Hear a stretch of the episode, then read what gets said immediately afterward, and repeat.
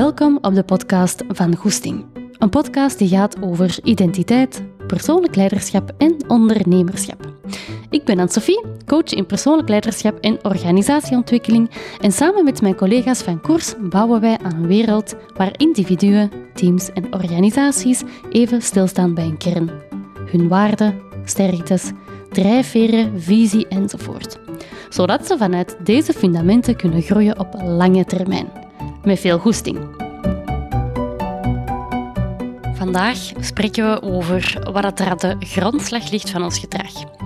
Een superboeiend thema en zoals vaak is dit ook weer een zeer gelaagd thema, waar ik dus um, één stukje van de zeer grote puzzel van wie we zijn uh, gaan leggen. Dus in dat opzicht moet je wel een beetje rekening houden dat al die afleveringen aan elkaar gelinkt zijn, aan elkaar hangen en dat ik eigenlijk telkens een puzzelstukje um, meegeef van wie we zijn. Nu, het doel van de aflevering vandaag is eigenlijk een bewustzijn creëren rond uw gedrag en wat dat u drijft als persoon. En een gevolg hiervan is sowieso dat je um, vandaag ook anders gaat leren kijken naar uw relaties. Je gaat leren wat het belang is van te kijken naar anderen. Dus enerzijds um, kan het zijn dat je bij jezelf bijvoorbeeld soms wel al dingen hebt gemerkt dat je niet altijd goed kunt plaatsen of begrijpen. Misschien dat je daar antwoorden op krijgt vandaag.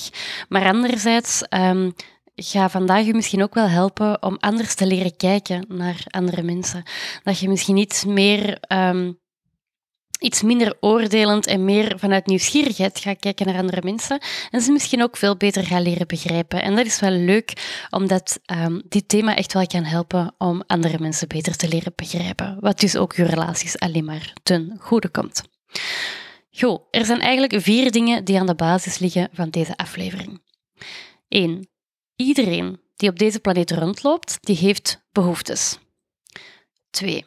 Iedereen gaat er ook alles aan doen om die behoeftes in te vullen. 3. Iedereen vervult die behoeftes ook op een eigen manier. En 4. De manier waarop dat jij die behoeftes gaat invullen, heeft ook impact op hoe dat jij je leven leidt, hoe dat je keuzes maakt op je werk, thuis en in je relaties. Op alles eigenlijk. En om deze te verduidelijken, gebruik ik heel vaak de metafoor van de ijsberg. 10% van de ijsberg is zichtbaar en 90% is onzichtbaar. Maar die 90%, dus hetgeen wat we niet zien, is wel de volledige basis waarop dat, dat zichtbare stuk van die ijsberg steunt. Alleen zien we die basis niet. En dat principe is ook van toepassing op ons als mens. Wat wil ik daar nu bij zeggen? Dat 10% van wie dat je zei, is zichtbaar. Je gedrag dus. Um, en ik kan zien dat jij heel blij wordt als jij bijvoorbeeld over die nieuwe sport vertelt. Of ik kan zien dat jij echt genoten hebt van die reis dat je net hebt gedaan. Of ik kan ook zien dat jij tegenwoordig best wel wat nieuwe opleidingen volgt en dat je misschien aan het bijscholen bent, iets anders. Dat zijn allemaal dingen dat ik kan zien van u. Maar ik kan niet zien wat de drijfveer was om bijvoorbeeld die nieuwe sport te gaan beoefenen. Of ik kan ook niet zien waarom dat jij juist zoveel opleidingen aan het volgen bent. En dat is interessant, want dat stuk dat we niet zien, dat is dus uw onderkant van uw ijsberg. En dat is de motor van alles wat dat we doen. En die motor is ook voor iedereen uniek, voor iedereen anders. Nu, die motor die wordt eigenlijk gevormd um, door heel wat zaken. De opvoeding die je ontvangen hebt, de impact van uw gezinsdynamiek vroeger, of misschien ook uw familiegeschiedenis, schoolsysteem, ook een hele belangrijke. Maar ook bijvoorbeeld de impact van bepaalde gebeurtenissen. Het kan zijn dat je dingen hebt meegemaakt die dat je net um, een heel warme herinnering geven, maar het kan ook zijn dat je dingen hebt meegemaakt die je zeer erg gekwetst hebben of die je groot verdriet hebben gegeven. En eigenlijk gaat het hier om de mate waarin dat jij veiligheid of onveiligheid hebt ervaren als persoon. En over dit stukje specifiek ga ik later zeker nog een aflevering maken, um, omdat dat ook super boeiend is.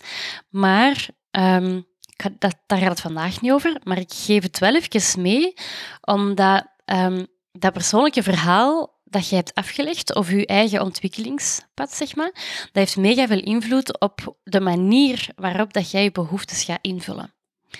En dat heeft vooral impact op of dat jij je behoeftes gaat invullen op een helpende manier, dus een constructieve manier, of je kunt ze ook invullen op een niet helpende manier, dus een destructieve manier voor jezelf of je relaties. Dus afhankelijk hoe dat jij die gaat invullen, gaat dat impact hebben niet alleen op je eigen, maar ook op andere mensen.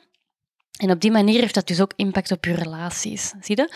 Maar dus hou er rekening mee dat um, de behoeftes waar dat we vandaag over gaan spreken, dat die ook weer wel gelinkt zijn met dat stukje van er juist um, waar dat ook in je rugzak zit. Goed? Ik geef die basisinfo even mee, zodat je deze aflevering kunt kaderen in een groter geheel.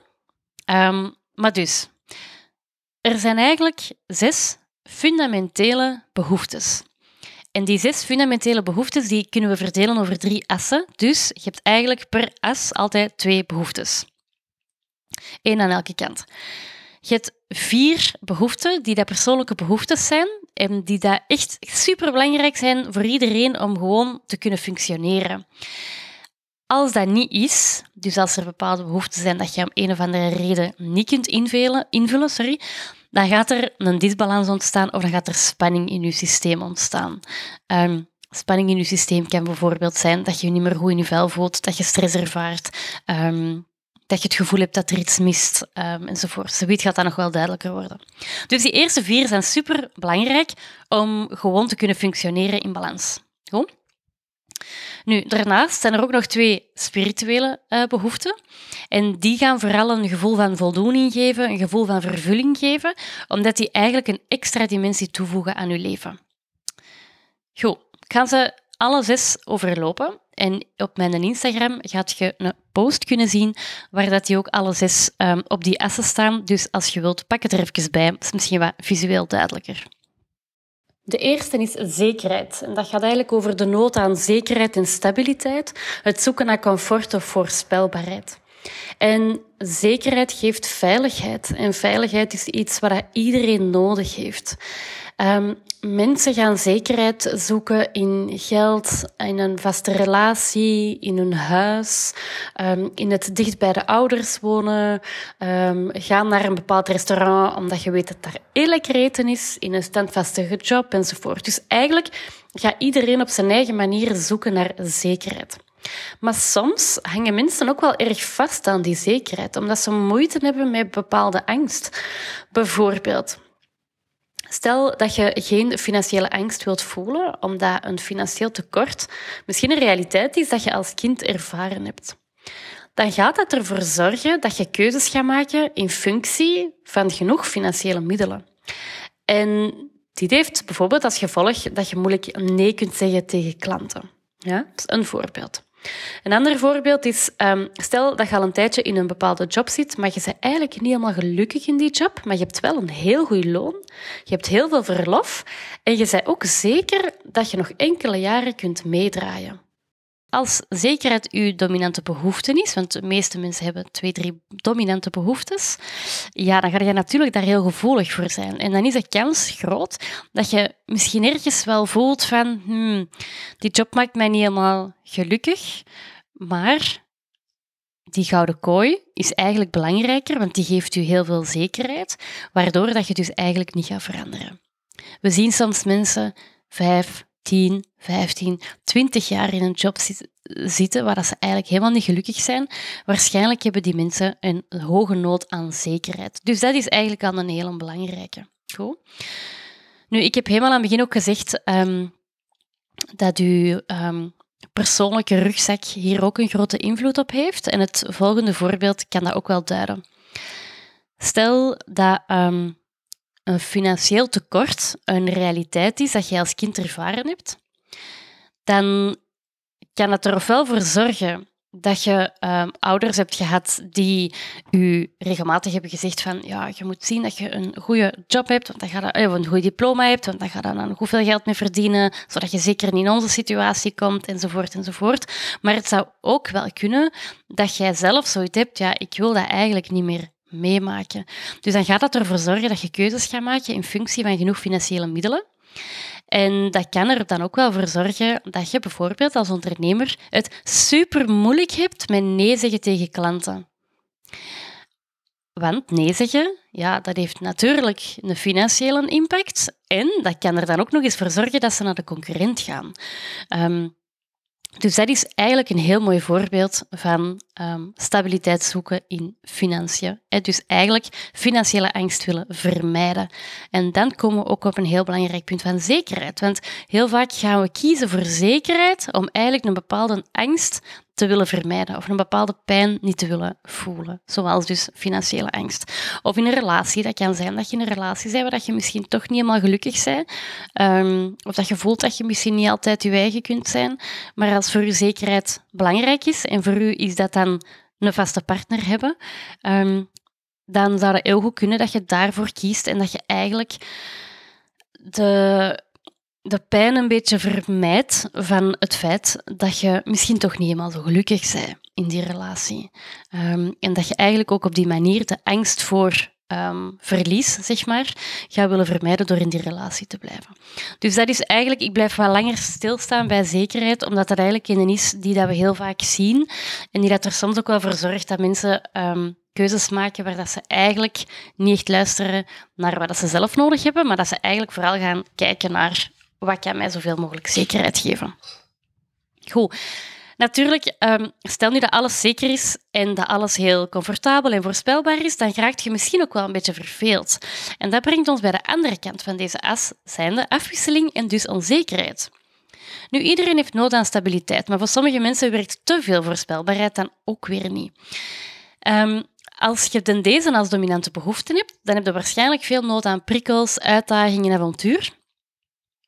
Je kunt je dat eventueel vinden in het experimenteren met koken of verschillende hobby's uitproberen. Um, maar je kunt ook gewoon kijken naar, oké, mijn job, hoe kan ik daar meer uitdaging in vinden? Hè? Dus je kunt ook hier weer dat invullen op de manier hoe dat, dat voor u is. Dat is heel persoonlijk. Um, dat kan ook zijn dat je bijvoorbeeld heel veel nood hebt aan afwisseling, maar dat je dat niet kunt vinden in je werk. Dan zou dat kunnen dat je dat bijvoorbeeld gaat zoeken in iets anders. Dus je gaat dat misschien compenseren met nieuwe hobby's, nieuwe opleidingen enzovoort. Dus een nood aan afwisseling wil niet per se zeggen, um, ik ben mijn job beu, ik ga weg. Dat kan ook gewoon betekenen van ja, ik vind die job wel belangrijk, want misschien zit daar wel een stukje zekerheid op, maar ik heb te weinig afwisseling, dus ik ga dat zoeken in andere dingen. Dat kan perfect. Dus je kunt ook wel echt die behoeftes naast elkaar gaan zetten. Hou er gewoon rekening mee dat um, deze kant van de as wel gepaard gaat met iets meer onzekerheid, instabiliteit, soms ook wel wat chaos en veel verandering. Dus dat is ook wel niet voor iedereen weggelegd, want niet iedereen heeft dat graag. Goed. Alright, de tweede as gaat over belangrijkheid versus connectie. Belangrijkheid eerst, um, dat gaat eigenlijk over het feit dat iedereen wel belangrijk gevonden wilt worden. Iedereen wil wel gezien en gehoord worden. Iedereen wil ook wel op een bepaalde manier uniek zijn. En je kunt uniek zijn door bijvoorbeeld een specifieke kledingstijl, uh, functietitels, maar het kan ook zijn door dingen zoals humor, dat um, humor u uniek maakt. En een ander voorbeeld van bijvoorbeeld een, niet helpende manier hier is pleasen. Dat kan zijn dat je eigen hebt aangeleerd om dingen te doen voor anderen, zodat ze u leuk vinden, zodat ze u zien of horen. En concreet zien we dit bijvoorbeeld heel duidelijk in het feit dat mensen bijvoorbeeld veel ja zeggen, eigenlijk omdat nee zeggen het risico verhoogt op niet leuk gevonden worden. En je ziet hier al dat zo het, ja zeggen en moeilijk nee zeggen, dat dat ene is dat ik er juist ook bij erkenning had verteld. Um, dus dat is een heel mooi voorbeeld van het, het gedrag is ja zeggen en nee eigenlijk bedoelen. Hè? Dat is het gedrag. Maar de drijfveer daaronder kan bijvoorbeeld erkenning zijn, maar kan dus ook belangrijkheid zijn. Dus je ziet hier al um, dat je gedrag verschillende motors kan hebben. Oh, verschillende behoeftes kan hebben, sorry. Um, nu, belangrijkheid. Soms kan die behoefte er ook wel voor zorgen dat je dingen doet die niet per se van je eigen komen. Het kan zijn dat je dat bijvoorbeeld wel tof vindt dat mensen je zien als de CEO, omdat dat je ego streelt. Maar de vraag is dan, ja, is dat ook echt wat jij zelf wilt? Doet jij dat graag, die job? Of doe je dat niet zo graag? En op, zo komen we eigenlijk op de volgende behoefte, en dat is connectie. Connectie met jezelf en connectie met anderen. Dat heeft te maken met het feit, um, met te weten eigenlijk wat je zelf wilt, wat je energie geeft, wat je voldoening geeft enzovoort. En het weten is één ding, er iets mee doen is eigenlijk nog altijd iets anders. En dat geeft vaak een groot spanningsveld met erkenning. Want je kunt je dan wel weten wat jij nodig hebt, wat je leuk vindt, maar misschien word jij wel tegengehouden door de verwachtingen van anderen of de mening van anderen en gaat het toch je keuzes maken in functie van die anderen. Ja, wat gaat er dan gebeuren? Dan gaat je eigenlijk op die as van de plek van connectie gaan verschuiven naar de plek van erkenning en belangrijkheid. Ehm, omdat je eigenlijk die keuze gaat maken in functie van hun en je gaat een stap wegzetten van je eigen. En dat is super jammer, want dat zie ik eigenlijk in de realiteit heel veel gebeuren. En als we het dan hebben over connectie met jezelf, hoor ik soms mensen ook wel zeggen van ja, maar ik wil niet egoïstisch zijn enzovoort. Maar er is echt wel een groot verschil tussen rekening houden met jezelf en met de anderen en daar een balans in vinden. En tussen het feit dat je je volledig gaat aanpassen aan een ander en zo je eigen grenzen overgaat. Het is niet zo zwart-wit. Ehm, dus je mag deze echt wel zien als ik zoek naar een balans tussen wat wil ik en wat wil de andere. En hoe kun je dan hiertussen een manier van werken gaan vinden. Dus probeer het echt zo te bekijken. Goed? Voilà. En dan komen we tot de laatste as. Dat is groei tegenover bijdragen. En groei gaat, heeft te maken met de nood om je te ontwikkelen als persoon, je sterktes te gebruiken um, of ergens in trainen om beter te worden, opleidingen volgen enzovoort. Um, als dit voor u een hele belangrijke is, dan zou het kunnen dat je de mindset hebt van als ik niet groei, dan ga ik achteruit. Nu, de groei, dat gaat over persoonlijke groei. Um, maar als we alleen focussen op persoonlijke groei, of als je alleen focust op persoonlijke groei, dan is de kans groot dat je misschien ook niet altijd um, zo zinvol voelt. En daar gaat je volgende over. Omdat bijdragen gaat over je, zinvol of zinvol zijn voor anderen of voor de maatschappij. Dat kan zijn dat je um, heel veel energie haalt uit het helpen van je buren bijvoorbeeld, maar dat kan ook zijn dat je vrijwilligerswerk doet. Dus de scope is groot. Het gaat er gewoon over dat je ook iets voor iemand anders doet. En als we alles alleen maar voor ons eigen zouden doen, dan zou er ook gewoon zelfs geen samenhorigheid zijn. Geen verbinding en geen samenleving zelfs. Dus het is ook wel een natuurlijke nood om iets te betekenen voor andere mensen. Dus eigenlijk is deze ook wel een hele belangrijke. En als je hier meer over wilt weten, dan moet je zeker eens luisteren naar de podcastaflevering De Drie Niveaus van Geluk. Want dit gaat eigenlijk over de laatste, het laatste niveau zinvolheid. Goed, we hebben de drie assen bekeken. En uh, je kunt eens gaan kijken bij jezelf en noteer het dan misschien eens even welke uh, behoeftes dat het meeste resoneren voor u.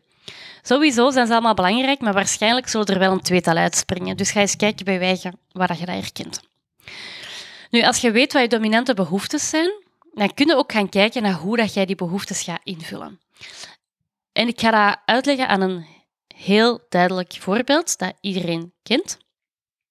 En dat is, ga eens kijken naar hoe dat jij je ontspant. Je kunt dat doen op een constructieve manier, zoals dansen, schrijven, een boek lezen, gaan sporten, wandelen, whatever. In de natuur zijn, een bad nemen, yoga, meditaties. Um, alle, allez, je kunt zoveel dingen doen. En dat zijn dingen die echt helpen. En die er ook echt voor zorgen dat je in ontspanning kunt komen en dat je een dag kunt verwerken, dat je je stress kunt verwerken. Um, en dat je daarna ook gewoon veel meer energie hebt en dat je potje eigenlijk gewoon teruggevuld is. Kunt dat ook wel doen, die ontspanning zoeken naar een niet helpende manier. Um, en dan zien we bijvoorbeeld um, heel cliché voorbeelden zijn bijvoorbeeld alcohol, drugs en roken. Um, maar alcohol bijvoorbeeld en roken, dat zijn er eigenlijk twee die ook wel heel veel voorkomen. Ik word stel dat je van een, een, heel zware dag terugkomt en je hebt zoiets van, ah wel, ik heb dat glas kunnen verdiend. Hè.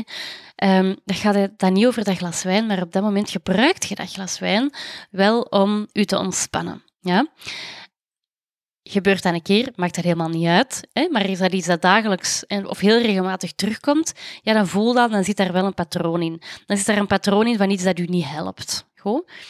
Ik zie ook wel andere manieren uh, van hoe dat mensen um, misschien niet proberen zich te ontspannen, maar ergens omgaan met de stress op een, een, manier die niet helpend is. En dat is bijvoorbeeld overmatig gaan shoppen, uh, dus veel consumeren, maar ook uzelf afleiden door, um, door schermen, hè? tv, Instagram, sociale media enzovoort. En dat zijn eigenlijk, je voelt dat al, dat zijn externe dingen die dat je dan nodig hebt om je ontspannen te gaan voelen. Het enige wat die dingen doen, hè, waar, waar, dat bijvoorbeeld dansen, schrijven, een boek lezen, wandelen en zo, waar dat die helpende manieren u echt gaan helpen om uw dag te verwerken, doen die niet helpende manieren niet. Dat gaat er wel voor zorgen dat je op een, um, moet ik het nu zeggen, een, uh, ik kom even niet op het woord. Waarschijnlijk als je aan het luisteren bent, weet jij het woord. Dat zijn dingen die dat u um, niet gaan helpen om uw dag te verwerken. Dat gaat er wel alleen maar voor zorgen dat je even gaat uittunen. Um, maar eigenlijk gaan die niet helpende manieren er eigenlijk voor, ja, die gaan eigenlijk verbergen hoe dat jij je echt voelt. En dat is jammer, want op die manier blijft de stress wel in je lichaam, want kan die er niet uit en wordt die niet verwerkt. Dus dat is een heel mooi voorbeeld van hoe dat je dingen kunt invullen, behoeftes kunt invullen op een helpende en een niet helpende manier. Dus ga ook eens voor je eigen kijken hoe dat je dat bij jezelf invult, welke helpende manieren dat jij gebruikt en welke niet helpende manieren dat jij gebruikt. De kans is heel groot dat je ook niet helpende manieren gebruikt. Dat is trouwens ook helemaal fijn. Het gaat erover, als je daar bewust van bent, dan kun je daar iets mee gaan doen. Nu, omdat die niet helpende manieren ook wel vaak blinde vlekken zijn, en dat je die dus onbewust gaat, gaat gebruiken, dan ga ik, je een paar, ik ga je een paar voorbeelden geven. Misschien helpt u dat ook wel om um, dit wat helderder te krijgen. Goed, ik kan een paar voorbeelden geven. Um, het kan zijn dat jij je behoefte voor zekerheid gaat invullen door perfectionisme. Want jij weet dat als je iets tot in de puntjes doet, dat je zeker bent dat dat goed gaat zijn. En als je daarin gaat doorschieten, dan wordt dat een niet helpende invulling van je behoefte zekerheid. Omdat je lat wordt dan te hoog, dus een druk gaat ook te hoog worden. En dat kan wel een oorzaak zijn van stress, maar dat kan er ook wel voor zorgen dat je uh, moeilijkere relaties gaat krijgen op het werk als je deze ook gaat verwachten van collega's. Want die collega's die gaan je lat niet kunnen halen, of die gaan niet kunnen volgen, of het gaat nooit genoeg zijn, en dat gaat spanning geven. Dus je voelt dat al, um, dat dat een is. Die komt trouwens ook wel veel voor. Um, een ander voorbeeld van wat we zien in bijvoorbeeld leiderschap is het idee van ik doe het wel even snel zelf, want dan is dat hier beter gedaan, is dat ook sneller gedaan en dan zijn we er vanaf. Op dit moment vervult je je behoefte aan zekerheid op een niet helpende manier, zowel voor jezelf als je collega.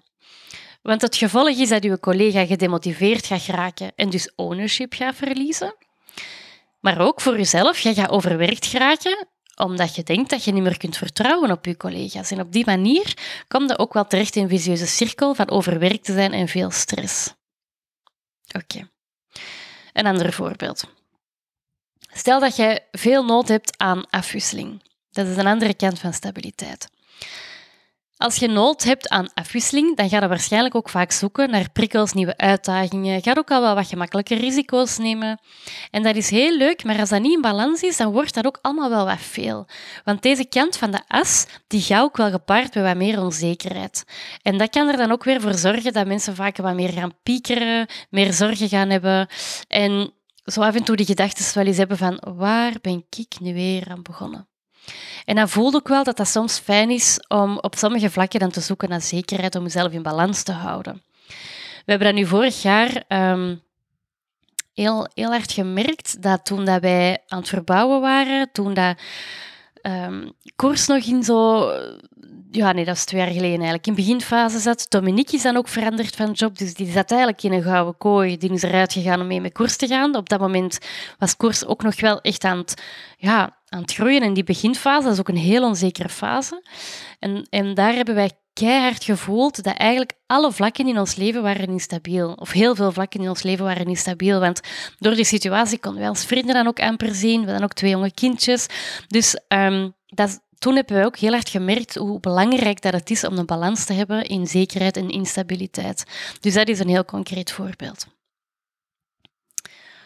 Alright. Um, ik heb ook een heel mooi voorbeeld over klantenrelaties. Stel dat jij een klant hebt en die heeft extra werk voor u of extra vragen voor u en die wil eigenlijk dat dat zo snel mogelijk in orde is. Nu, als connectie uw dominante behoefte is, dan gaat je dat waarschijnlijk belangrijk vinden om jezelf niet te overwerken en om jezelf in balans te houden qua workload. Ook als uw klant erom vraagt. Nu, dat is uw behoefte, maar jij wilt ook wel connectie behouden met je klant. Dus waarschijnlijk um, gaat je dan open communiceren naar je klant toe met de boodschap dat je dat extra werk er nu niet kunt bijpakken, maar dat je dat wel wilt meezoeken naar extra oplossingen, zodat je klant toch wel verder geholpen is. Of misschien kun je ook een andere deadline voorstellen of zo. Maar het komt er eigenlijk op neer dat je op die manier connectie met jezelf behoudt en met je klant behoudt. En dan is het echt mooi in balans.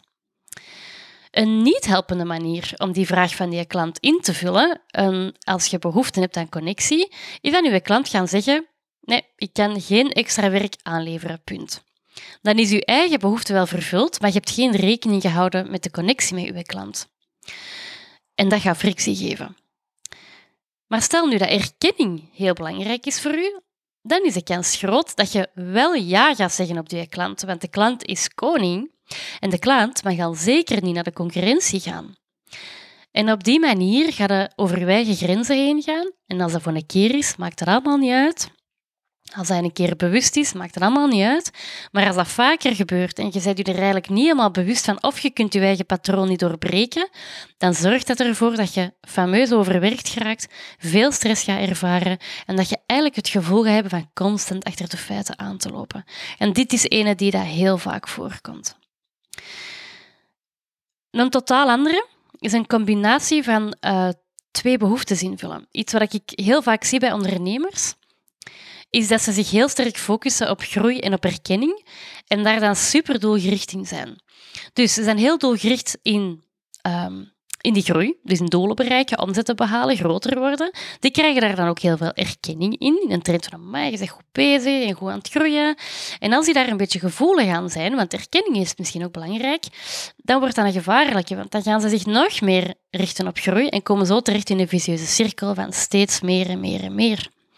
Maar aangezien dat er dan misschien zo weinig aandacht was aan connectie, zijn de connectie met jezelf, dan is het gevolg vaak dat die mensen na elke enkele jaren van veel groei wel zichzelf volledig verloren zijn. Of het gevoel hebben van ik heb alles, maar ik voel mij niet gelukkig. En ja, dat is gewoon echt een keer belangrijk. Als je focust op groei, zorg er dan voor dat je ook echt genoeg, genoeg, genoeg in contact blijft met jezelf. Goed.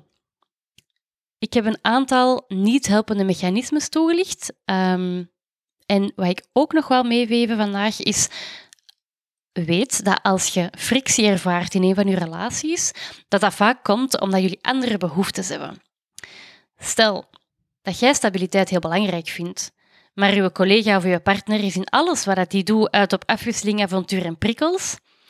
Ja, als je dan uw partner gaat bekijken vanuit uw bril en ook verwachtingen hebt vanuit uw behoeftes, dan gaat dat spanning geven. En die spanning die gaat al snel leiden tot discussie als je helemaal niet bewust bent van heel dit verhaal van vandaag. Of stel dat jij, um, dat jij wel houdt van um, van zekerheid of daar nood aan hebt. En er wordt een teambuilding georganiseerd en jij doet dat eigenlijk al tien jaar aan een stuk, maar je hebt zoiets van oké, voor deze jaar ga ik dat eens uitbesteden aan mijn collega. Ja, en als je collega nu toevallig heel veel nood heeft aan prikkels en uitdagingen en avontuur, en die gaat daar een teambuilding in elkaar steken dat totaal anders is dan hoe dat jij dat tien jaar al doet, ja, dan ga je dat wel waarschijnlijk heel spannend vinden. Je gaat dat volledig uit je comfortzone uh, zijn en gaat je dat misschien zelfs een beetje stress geven en misschien zelfs ook wel wat frictie. Dus je voelt al dat, die, uh, dat je bewustzijn van die behoeftes veel impact heeft op je relaties. Hou daar dus ook rekening mee. Praat over je eigen behoeftes, wees daar ook duidelijk in en probeer ook in je relaties te peilen of te observeren naar de behoeftes van iemand anders of van een andere. Goed? Alright, um, we hebben vandaag de zes behoeftes besproken. Zekerheid versus onzekerheid en dus avontuur. Um, belangrijkheid versus uh, connectie en groei versus bijdrage. Even een kleine recap. Ga eens kijken wat uw dominante behoeftes zijn. Ga eens kijken hoe dat jij die invult, die behoeftes. En ga ook eens kijken welke niet helpende manieren dat je kunt ombuigen tot helpende manieren. Als je moeite hebt met relaties, ga ook daar eens kijken waarin dat jullie misschien verschillen qua behoeften. En probeer daar ook voor jezelf goed over te communiceren. Goed? Voilà, als je daar graag mee aan de slag wilt of ehm, je wilt er graag in verdiepen, dan weet je dat je altijd bij ons terecht kunt, omdat dit echt wel de thema's zijn waar wij heel vaak mee aan de slag gaan. En niet alleen de behoeftes, maar we gaan ook echt nog wel een stapje terug um, naar de, de, de reden waarom dat je dan ook die behoeftes hebt. Dus je mocht het altijd laten weten. Een intake is bij ons gratis. Dat is een half uur dat wij graag met je kijken naar wat je nodig hebt. En dan kunnen we van daaruit kijken hoe en wat. Goed, fijne dag nog. Merci om te luisteren en tot binnenkort. Ziezo, het zit erop. Ik vond het super fijn dat je luisterde, dankjewel daarvoor. En laat ook zeker even weten wat je van deze aflevering vond. En nog leuker, delen met je eigen netwerk, want zo kunnen we samen meer impact maken. En als je meer wil weten over onze programma's, ga dan zeker even naar onze website www.koers.team of stuur me een berichtje. Tot binnenkort!